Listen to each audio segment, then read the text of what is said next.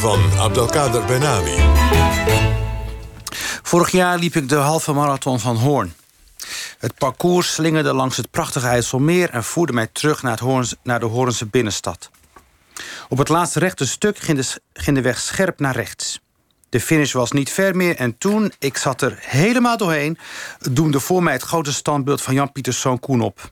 Staande op het plein van de Rode Steen. Wat doet die moordenaar daar, schoot het door me heen. Mijn benen waren al verzuurd en het hoofd werd bij de aanblik van een niets ontziende veroveraar... die zijn bijnaam slachter van Banda maar trots droeg, lood en loodzwaar. Het gebeurt niet vaak dat een historisch figuur... een significante invloed heeft op mijn eindtijd in een hardloopwedstrijd... maar het gebeurde daar in Hoorn. Ik strompelde over de finish, geveld door de geschiedenis. Ooit was hij een held, inmiddels weten we beter. Koen was geen lievetje. Het beeld van Koen was een paar maanden daarvoor beklad geweest door activisten.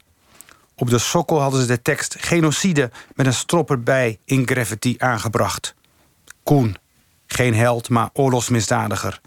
Weg ermee. Deze week is er een politieke reactie gekomen op dat maatschappelijke chagrijn rond onze vaderlandse geschiedenis.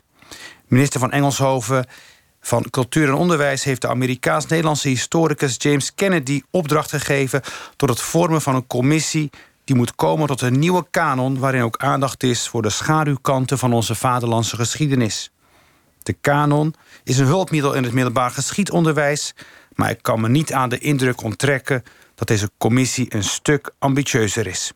Onze geschiedenis is aan verandering toe. De nieuwe kanon wil ook evenwichtig aandacht besteden aan de verhalen en perspectieven van verschillende groepen in de samenleving, zo lees ik.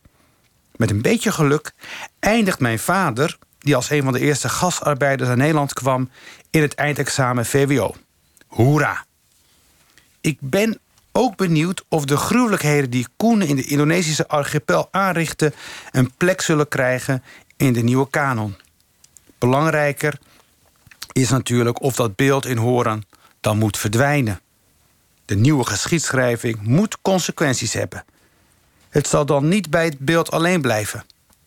Er zijn nogal wat straatnamen en beelden waar een smetje aan kleeft. Zo was ik laatst op de Professor Colijnstraat in Amsterdam Nieuw-West... op zoek naar woonruimte. In een brief aan zijn vrouw doet de latere minister-president van Nederland verslag van zijn soldatenarbeid op Atje, waar hij zojuist een opstand heeft neergeslagen. Ik citeer.